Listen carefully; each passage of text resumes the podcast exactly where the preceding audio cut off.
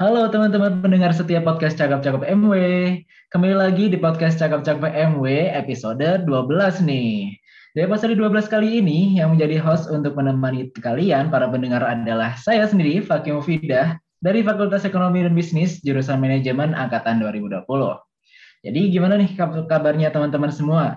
Udah beberapa bulan kita nggak upload, mungkin ada beberapa pendengar yang udah nungguin konten selanjutnya nih dari Cakap-Cakap MW.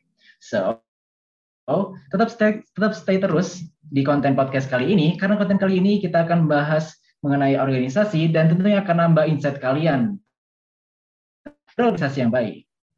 Nah, buat pendengar kita yang ingin mengambangin diri dengan berorganisasi, kalian juga harus tahu bahwa organisasi ini dalam berorganisasi ini perlu komitmen untuk menjalankannya sampai akhir. Lalu konten kali ini mau bahas apa sih? Yaps, kali ini kita akan ngebahas bagaimana caranya untuk berkomitmen dalam berorganisasi dan supaya semangatnya nggak hanya di awal aja. Lalu caranya gimana sih buat berorganisasi dengan komitmen? Pertanyaan ini kita akan bahas langsung dengan narasumber yang udah datang di podcast kita, yaitu Claudia Charlotte. Langsung saja kita sapa narasumber kita kali ini. Halo Kak Claudia, gimana nih kabarnya? Halo, kabarnya luar biasa baik nih. Oke, Kalau baik. Fakih, Fakih gimana nih kabarnya? Kalau kabar gue sendiri alhamdulillah baik ya untuk pada sore hari ini. Nah, jadi teman-teman pendengar semua, Claudia Charlotte ini merupakan uh, staf MW pada tahun 2021 dan juga sekaligus uh, menjadi uh, kepala departemen dari HMDA sendiri nih. Udah tentunya kalau Kak Claudia ini pasti sudah menguasai dari dari segi organisasi nih. Mungkin kita sapa dulu nih ya, teman-teman dari uh, pendengar podcast kita kali ini. Kita kedatangan Claudia bisa uh, perkenalkan terlebih dahulu nih dari Kak Claudia sendiri. Oke, halo teman-teman cakap-cakap MW. Uh, kenalin, aku Claudia Charlotte, aku dari Departemen Akuntansi Angkatan 2020. Tadi juga udah sedikit dikenalin ya sama Fakih. Uh, jadi dulu aku sempat menjadi staf media informasi dari mahasiswa wirausaha dan saat ini aku uh, diamanahi untuk menjadi Head of Public Relation and Networking Subdepartemen dari HMDA FBUB. Jadi HMDA FBUB itu adalah himpunan mahasiswa Departemen Akuntansi. Salam kenal teman-teman semua.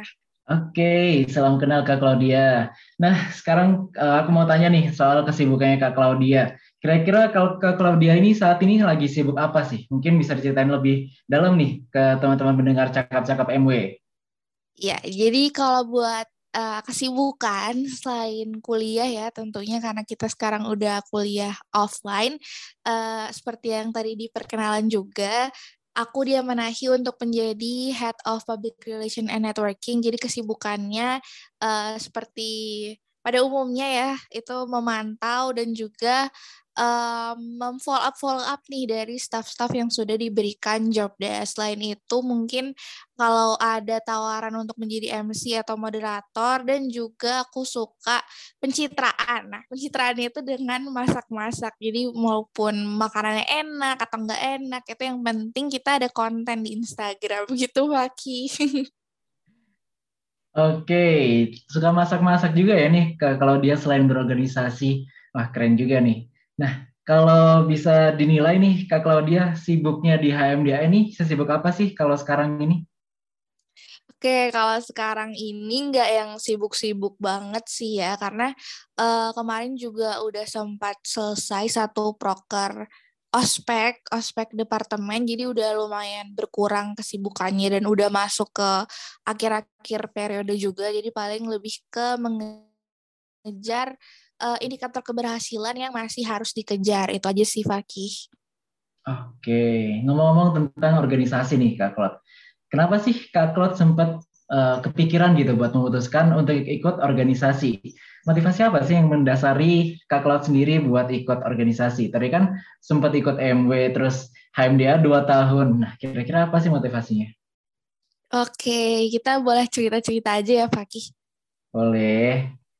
Jadi uh, dulu waktu aku SMP sama aku SMA itu tuh aku uh, orang tua aku strict parents banget. Jadi aku nggak bisa um, bebas untuk beraktivitas. Makanya di SMP dan SMA aku nggak ikut OSIS atau organisasi-organisasi uh, lain yang di mana uh, dengan ikut organisasi di SMP atau SMA kan kita perlu buat uh, keluar rumah dengan waktu yang lebih panjang, pergi ke sana, pergi ke sini, dan aku belum punya akses untuk bisa uh, melakukan hal itu. Jadi aku tidak mengikuti organisasi di SMP dan SMA.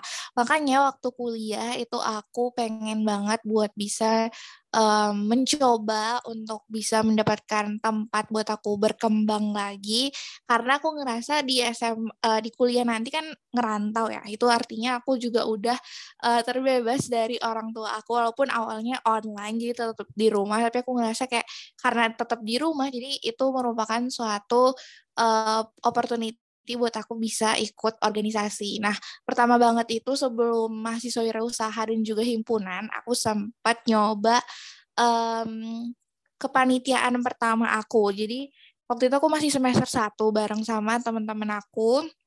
Itu dengan impian kita pengen jalan-jalan ke Jatim Park bareng dulu.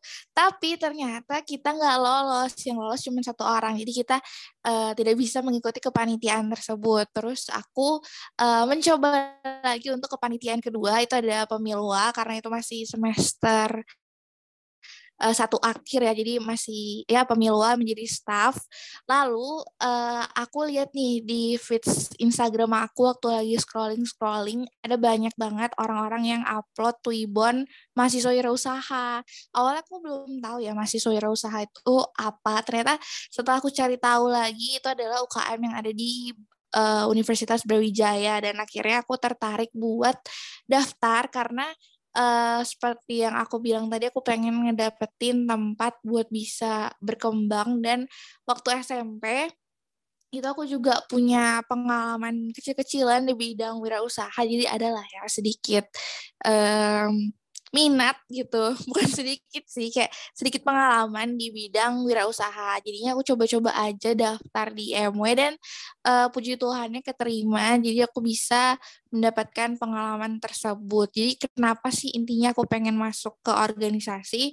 Itu karena aku pengen ngedapetin um, pengalaman dan juga aku pengen memperluas zona nyamanku. Gitu Fakih. Oke, wah bener-bener ceritanya panjang banget ya kayak wah bener-bener ini ya yang awalnya dari strict parent terus sekarang ya, di kuliah mau keluar dari uh, belenggu itu terus langsung ikut sana sini jadi aktif sana sini gitu ya Claude ya? Wah keren banget sih. Iya bisa bilang kayak gitu ya. Nah kira-kira nih uh, ada nggak sih dari Claudia sendiri jangan buat uh, apa peserta atau pendengar-pendengar cakap-cakap MW ini buat uh, cara nentuin motivasi biar masuk M, uh, masuk organisasi nih, mau MW atau himpunan dan lain sebagainya. Nah, karena kan untuk menjalankan tugas-tugas organisasi ini sampai akhir pun ini perlu motivasi yang kuat kan. Kalau dia pun pasti ngerasain kalau uh, konsistensi dari awal sampai akhir itu susah untuk jaga kan. Nah, gimana sih cara biar bisa sampai akhir itu tetap konsisten motivasinya. Ada nggak kira-kira okay. yang dari Kak Claudia?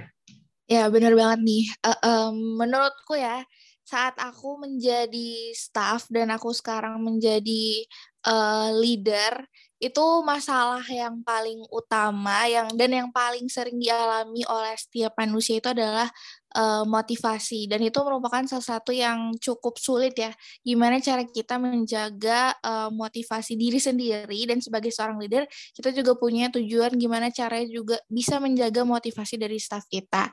Nah kita uh, mulai dulu ya dari pertama-tama. Mungkin sebelum teman-teman masuk ke organisasi uh, berdasarkan pengalaman aku juga ya kalau bisa mengulang waktu nih uh, teman-teman jangan terlalu fear of missing out karena jujur aja dulu waktu masih maba aku itu FOMO banget sampai-sampai aku ngikutin dua organisasi.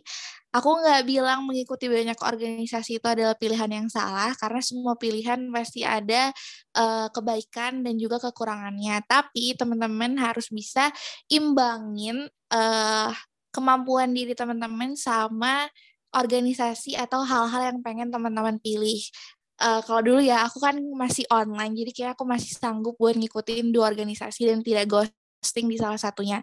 Dan kalau buat teman-teman cakep-cakep yang sekarang lagi ngedengerin dan tentunya udah menjalani kehidupan perkuliahan secara offline, itu mungkin bisa dipertimbangin lagi kalau misalkan matkul yang susah-susah berarti ikut organisasinya jangan kebanyakan karena yang paling terutama itu kan adalah perkuliahan.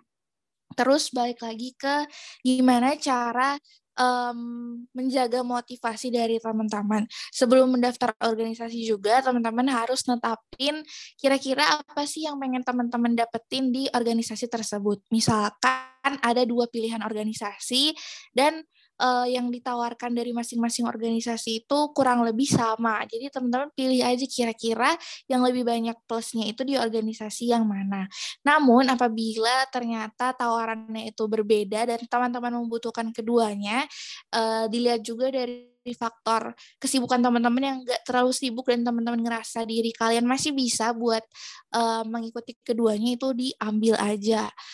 Terus setelah kalian udah memutuskan nih kira-kira yang pengen kalian dapetin apa aja di organisasi tersebut setelah masuk itu impian-impian di awal. Kayak misalkan nih aku pengen banget join MW karena yang pertama aku pengen punya pertemanan yang luas. Karena kan MW adalah UKM jadi temennya bisa dari semua fakultas dan semua jurusan. Terus yang kedua MW mahasiswa wirausaha. Aku pengen bisa mendapatkan ilmu-ilmu tentang wirausaha. Jadi dengan aku masuk MW harapannya aku bisa dapetin banyak ilmu-ilmu tentang wirausaha tersebut. Yang ketiga, uh, eh, MW merupakan bisa dibilang organisasi. Dengan ikut organisasi aku bisa nge-improve lagi diri aku, nge-upgrade lagi diri aku. Nah, misalkan kita mulai dari tiga poin uh, tujuan awal kenapa kita join organisasi tersebut. Nah, ketika kita udah keterima, kita awal-awal kan pasti seneng banget ya, happy banget tuh ngerjain job desk-nya dan lain-lain. Tapi mungkin disampai ke akhir periode, di saat udah banyak deadline, udah banyak uh, tuntutan-tuntutan, banyak uh, indikator-indikator indikator yang masih perlu dikejar dan kita udah cukup letih, cukup lelah, itu kita harus ingat lagi motivasi awal kenapa kita mendaftar. Misalkan nih teman-teman ada yang mager banget ngikutin webinar-webinar yang dilaksanain oleh uh, organisasi kalian. Nah, kalian ingat lagi dulu kalian pengen join ke organisasi tersebut karena kalian pengen ngembangin diri. Sedangkan dari webinar tersebut kalian tahu kalau misalkan diri kalian bisa ber berkembang kalau ngikutin webinar-webinar yang ada. Jadi kalau dari aku gimana cara menjaga motivasi sih lebih ke uh, mengingat kembali kenapa sih kalian mau daftar dan juga kalau uh, dari sudut pandang seorang leader menurut aku perlu untuk memberikan apresiasi dan juga uh, dukungan dan uh, lebih ke gimana kita ya lebih ke apresiasi sih karena kalau kita udah bekerja sebaik mungkin yang kita bisa tapi tidak ada yang mengapresiasi menurutku juga nggak akan menambahkan semangat. Gitu Faki oke oke. Wah keren banget ya. Jangan dari Claudia sendiri nih. Wah pertama uh, buat masuk mau masuk ke organisasi ini nggak boleh FOMO ya. Nggak boleh FOMO. Ikut sana ikut sini terlalu ambis. Bahkan sampai cuman ikut FOMO-nya doang tapi nggak tahu alasannya apa gitu mau join organisasi. Jadi waktu udah join demotivasi, dia nggak bisa ngebalikin motivasinya karena FOMO itu tadi ya Claude ya. Makanya cari motivasi iya, awal itu benar-benar penting gitu ya. Alasan kenapa mau masuk organisasi. Dan kalau udah demotivasi, ingat lagi alasan kenapa join organisasi ini, awalnya kenapa? Ingat-ingat terus kayak gitu ya Claude ya. Betul banget.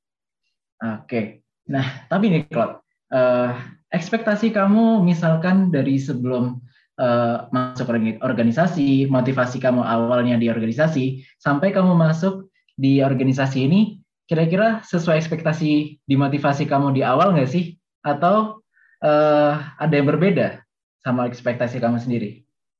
Oke, kalau aku sendiri, uh, puji Tuhan ya, semua ekspektasi aku uh, sesuai sama realitanya, baik di MW maupun di himpunan. Karena kan kemarin aku uh, ada di dua organisasi yang lingkupnya itu bisa dibilang berbeda dan uh, menurutku setiap organisasi itu punya budayanya masing-masing dan uh, budayanya himpunan sama MW itu cukup mirip tapi pasti ada perbedaan dan dari dua organisasi tersebut menurutku apa yang aku inginkan di awal bisa aku dapatkan di akhir dan uh, sesuai sama ekspektasi aku waktu udah selesai nih udah demis ya istilahnya. Oke, apa aja sih klub keuntungannya masuk organisasi itu? Uh, boleh diulang nggak?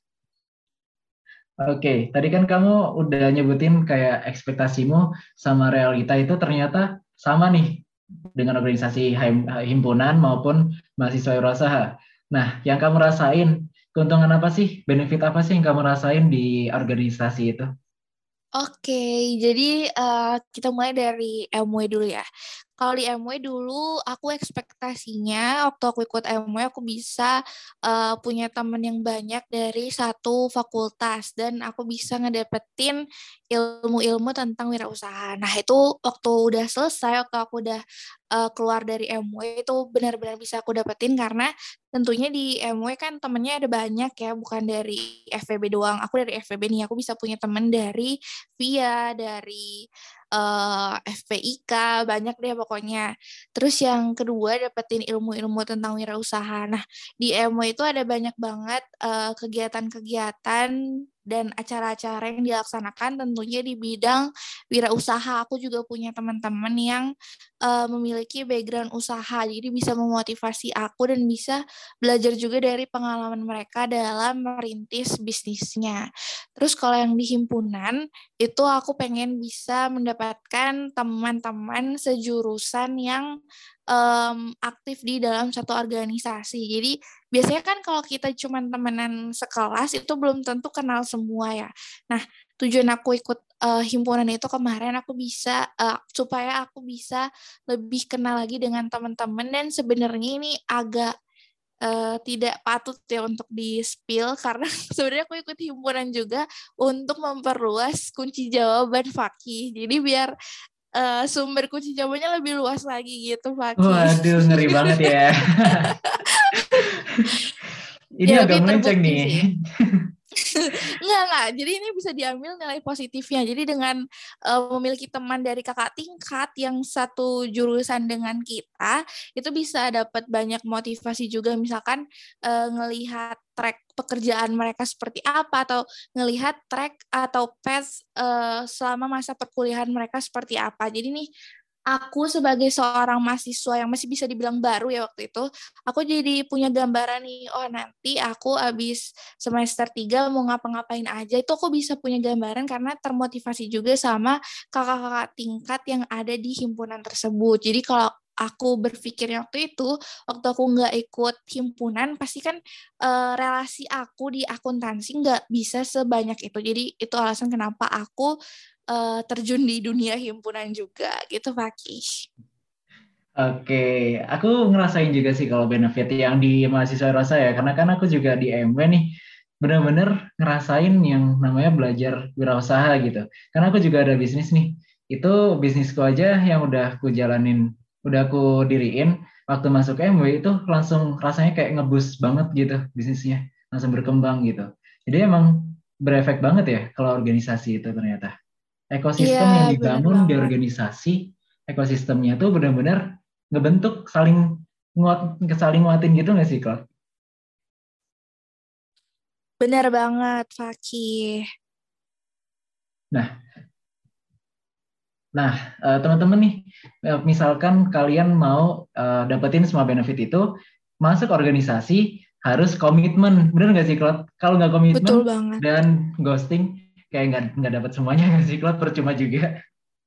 Iya, jadi kalau misalkan kalian cuma join doang nih, ngikutin sebanyak-banyaknya organisasi, misalkan 5, 3, 6, uh, tapi kalian nggak ada kontribusi nyata atau aktif di dalamnya, menurutku itu cuman uh, ya udah buat sekedar ditaruh di CV doang, dan uh, kalian nggak bisa bener-bener ngerasain pengalamannya, kalian nggak bisa uh, ngerasain uh, suka dukanya. Karena menurutku ngera, uh, mendapatkan pengalaman untuk bisa merasa pusing, untuk bisa ngerasa sedih, untuk bisa ngerasa seneng dalam organisasi itu merupakan suatu privilege yang gak semua orang bisa dapetin. Karena kalau cuma ngikut doang tapi kalian nggak pernah ngapa-ngapain menurutku mendingan uh, ya udah nggak usah ikut sekalian. Daripada cuma ditaruh di CV doang tapi kalian nggak bener-bener ngerasain atau pernah terjun di dalamnya. Karena uh, kalau berdasarkan yang aku pernah menjalani interview-interview ya Fakih biasanya yang ditanyain itu adalah tentang uh, gimana cara kita mengatasi suatu permasalahan ketika ada di suatu organisasi atau di suatu kepanitiaan yang mana kalau kita ghosting ya tentunya kita nggak bisa dong menjawab pertanyaan tersebut karena kita nggak benar-benar terjun di dalamnya. Wah iya benar banget sih kalau kayak gitu kan jadi kayak skakmat banget ya nggak bisa menjawab ya padahal pengalaman organisasi banyak tapi nggak bisa ngejawab kayak gitu. Wah, iya ya. benar. Ya. nah aku lihat nih kalau dia pasti kegiatannya sibuk banget nih ya, organisasi, kuliah, pasti sibuk nih. Nah, gimana sih dari Claudia sendiri, Kak Claudia ini membagi waktu antara kuliah sama organisasi, biar sama-sama optim, optimal nih, organisasi sama kuliahnya. Kira-kira gimana cara bagi waktunya? Oke, ngomong-ngomong soal bagi waktu, sebenarnya aku bukan tipe orang yang sebagus itu dalam membagi waktu karena uh, kayak yang udah aku bilang ya aku ngikutin dua organisasi dengan waktu itu semester 3 dan semester 4 itu kayak mata kuliahnya bener-bener mata kuliah yang berat-berat banget dan uh, kayak semester 1 kan masih ringan, semester 2 ya lumayan lah.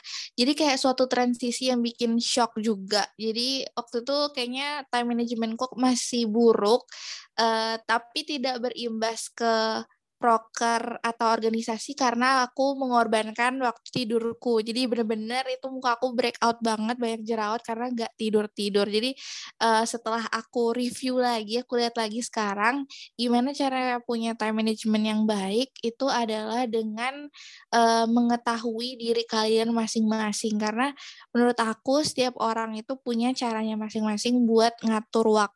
Misalkan ada orang yang emang suka buat make Google kalender buat ngatur schedule-nya dan itu works di dia. Tapi ada juga yang ternyata kalau pakai Google Calendar dia ngerasa uh, malah makin lama nih buat nyusun-nyusun jadwalnya dan malah waktunya habis buat nyusun jadwal.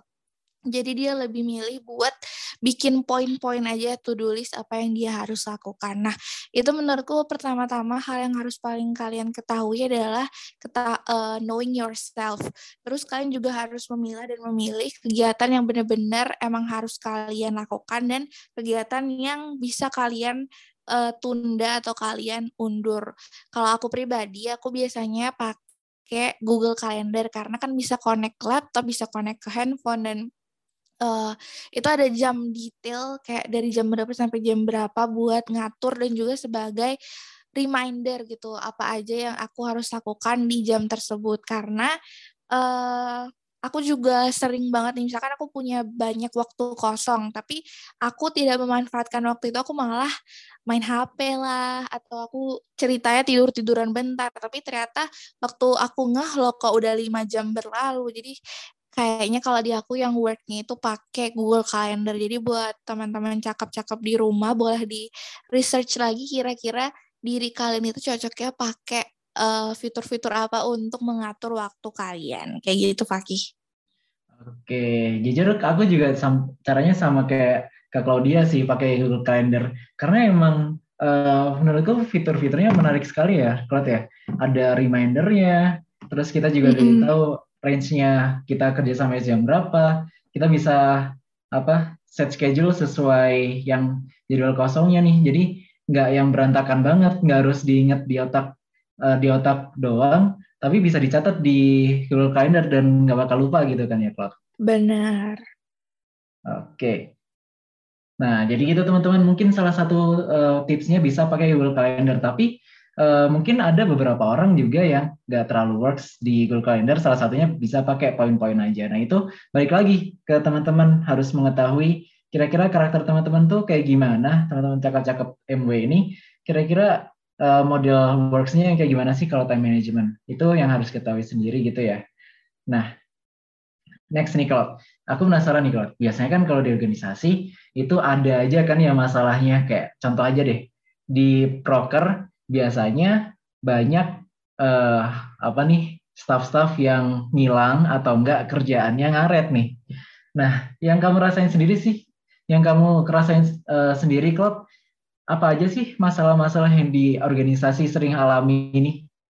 Kira-kira apa aja okay. nih, Klub? Oke, setuju banget sih Fakih sama statement kamu yang tadi, karena uh, aku hari ini pas banget ya baru beberapa saat yang lalu aku sedikit menghela nafas karena ada uh, timeline yang harus mundur karena seseorang itu tidak melaksanakan tugas seperti yang seharusnya.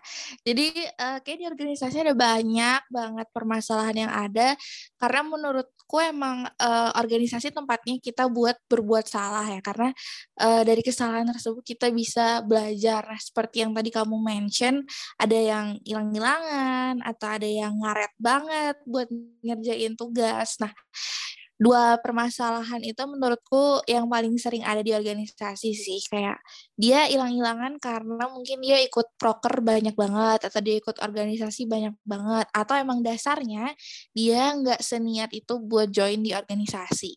Terus buat yang ngaret ngerjain proker itu entah dia yang nggak bisa nge-time management atau emang dia yang udah kehilangan motivasi untuk ngerjain tugas-tugasnya Iya, jadi itu semua sih kayaknya dua poin utama um, permasalahan yang ada di organisasi Fakih. Oke, wah uh, cukup besar ya permasalahannya. Bahkan sampai bikin Claudia itu uh, menghela nafas sendiri gitu. Pasti capek banget ya ngurusin staff atau orang kayak gitu tuh. Enggak sih, cuman kesel dikit aja. Oke, okay, kesel ya. Oke, okay. nah aku mau tanya nih ke, ke Claudia. Menurut dia gimana sih cara biar tetap semangat nih dan nggak kehilangan motivasi ketika berorganisasi? Kan pasti banyak tuh staff-staff yang hilang. Dari POV staff sendiri sama POV leader, kira-kira apa sih yang harus dilakuin kayak gitu? Oke, okay, kalau dari um, staff dulu mungkin ya. Waktu aku menjadi staff kemarin, cara aku buat bisa tetap semangat dan juga uh, tidak kehilangan motivasi saat berorganisasi itu mungkin memilih lingkungan yang tepat atau mencari teman-teman yang emang suportif dan juga um, sepassion gitu dengan kita. Jadi ketika kita memiliki teman untuk berjalan beriringan yang sama-sama seperti kita, kita ngerasa kita tuh nggak sendirian dan kita uh, bisa ngelewatin itu bareng-bareng sama mereka. Terus uh, sama sih kayak tadi, kayak kita ngeinget-inget lagi motivasi di awal kenapa kita join dan kayak sadar gitu kalau kita udah jalan sejauh ini, tinggal dikit lagi masa kita nyerah. Dan menurutku kalau kita tahu statement itu, itu bisa ngebantu buat ningkatin semangat kita walaupun lagi nggak semangat banget. Terus kalau uh, eh, POV sebagai leader ya, mungkin uh, sama sih, cuman di sini lebih ke bisa menciptakan lingkungan kerja yang lebih baik. Kayak kita um, melihat lagi, mengevaluasi lagi kira-kira kenapa sih ini staffnya um, mulai kehilangan semangat, kenapa sih dia uh, udah mulai mager-mageran atau kenapa dia udah mulai hilang-hilangan. Karena dengan menciptakan lingkungan kerja yang baik itu pastinya akan membuat uh, seseorang bisa mengeringankan beban seseorang dan membuat dia itu menjadi lebih semangat lagi dalam bekerja. Karena ini bisa dilihat juga dengan sistem organisasinya Google ya kalau uh, teman-teman tahu itu kan dia memberikan fasilitas yang begitu banyak buat staff-staffnya bekerja sehingga mereka bisa memberikan pekerjaan terbaiknya karena udah nggak ada tekanan apa-apa dan segala kebutuhan keperluan mereka dipenuhi. Jadi mereka juga bisa uh, sadar gitu kalau mereka harus memberikan yang terbaik juga karena perusahaan atau organisasi tersebut juga telah memberikan yang terbaik buat mereka. Jadi dengan memberikan reward dengan memberikan apresiasi dan juga mendukung atau mendengarkan curhat curahan hati curahan hati curhat curhat dari uh, mereka gitu Fakih. Oke, wah aku setuju banget sih.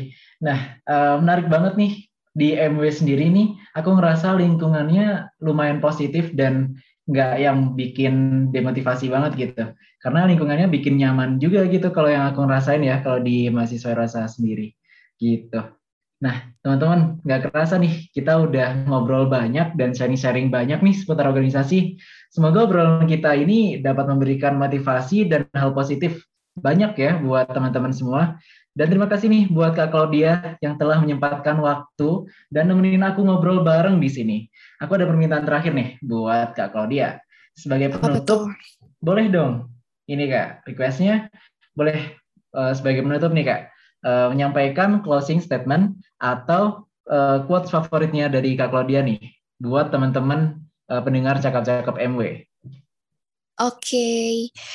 uh, buat teman-teman cakap-cakap MW semangat terus buat uh, mencapai apa yang pengen teman-teman capai.